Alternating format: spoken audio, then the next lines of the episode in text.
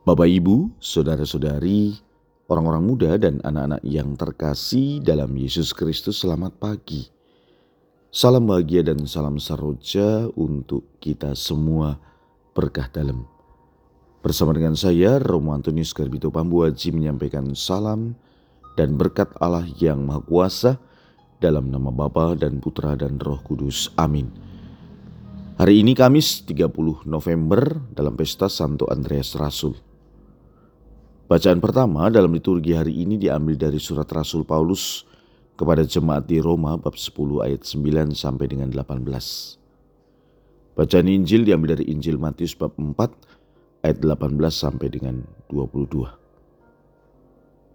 Pada suatu hari, ketika Yesus sedang berjalan menyusur Danau Galilea, ia melihat dua orang bersaudara, yaitu Simon yang disebut Petrus dan Andreas saudaranya. Mereka sedang menebarkan jala di danau, sebab mereka itu penjala ikan.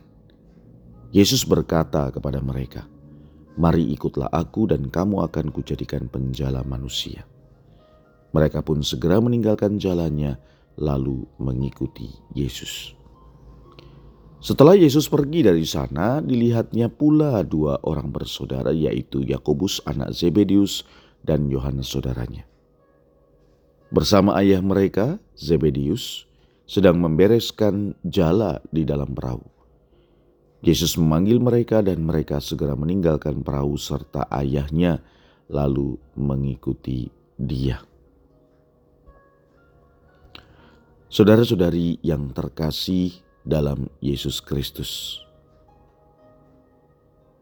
Santo Andreas yang kita rayakan pestanya hari ini adalah salah seorang dari kedua belas rasul Yesus. Tetapi pada awalnya sebetulnya Andreas adalah murid Yohanes Pembaptis.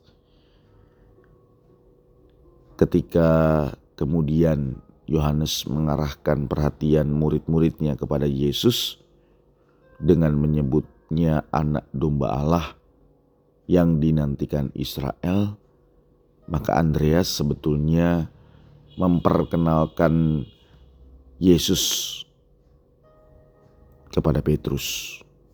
Namun karena dia tidak bisa menjelaskan kisah Injil hari ini menggambarkan bahwa Petrus dan Andreas juga Yakobus dan Yohanes menjadi murid Yesus. Mereka dikenal secara tradisi sebagai empat murid awal Yesus. Petrus, Andreas, Yakobus, dan Yohanes.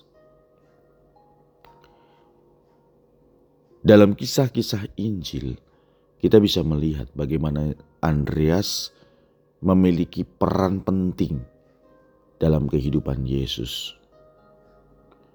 Pertama, ia hadir pada saat Yesus mengadakan mujizat penggandaan roti bagi 5.000 orang. Bahkan justru dialah yang memberitahukan kepada Yesus perihal anak laki-laki kecil yang membawa lima roti dan dua ekor ikan itu.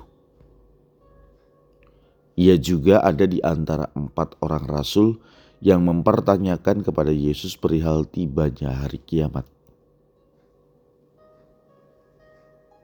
Menurut tradisi, walau ini agak diragukan, setelah Yesus naik ke surga, Andreas ada di antara para rasul di ruang atas untuk menantikan turunnya Roh Kudus, dan kemudian ia mewartakan Injil di Sitia dan Yunani.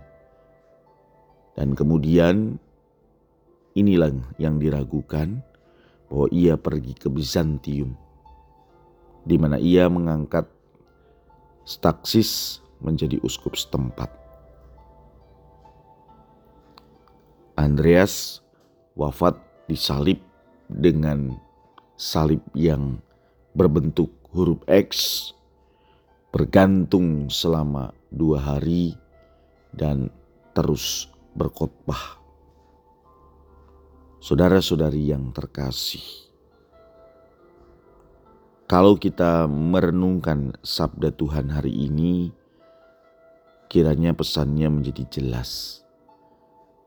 Pertama, Andreas adalah pribadi yang berusaha memperkenalkan Yesus kepada orang lain.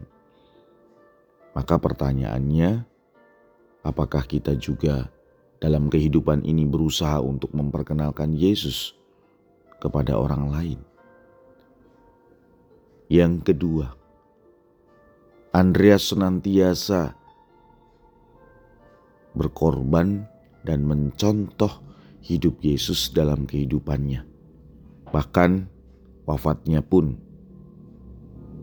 menggambarkan bagaimana ia berkorban maka saudara-saudari yang terkasih pertanyaannya juga, apakah kita mau senantiasa berkorban dalam kehidupan ini? Marilah kita berdoa. Ya Tuhan, semoga Engkau senantiasa mengingatkan kami untuk membawa orang-orang kepada Yesus Putramu dan juga mau berkorban dalam kehidupan kami. Berkat Allah yang Maha Kuasa, dalam nama Bapa dan Putra dan Roh Kudus. Amin.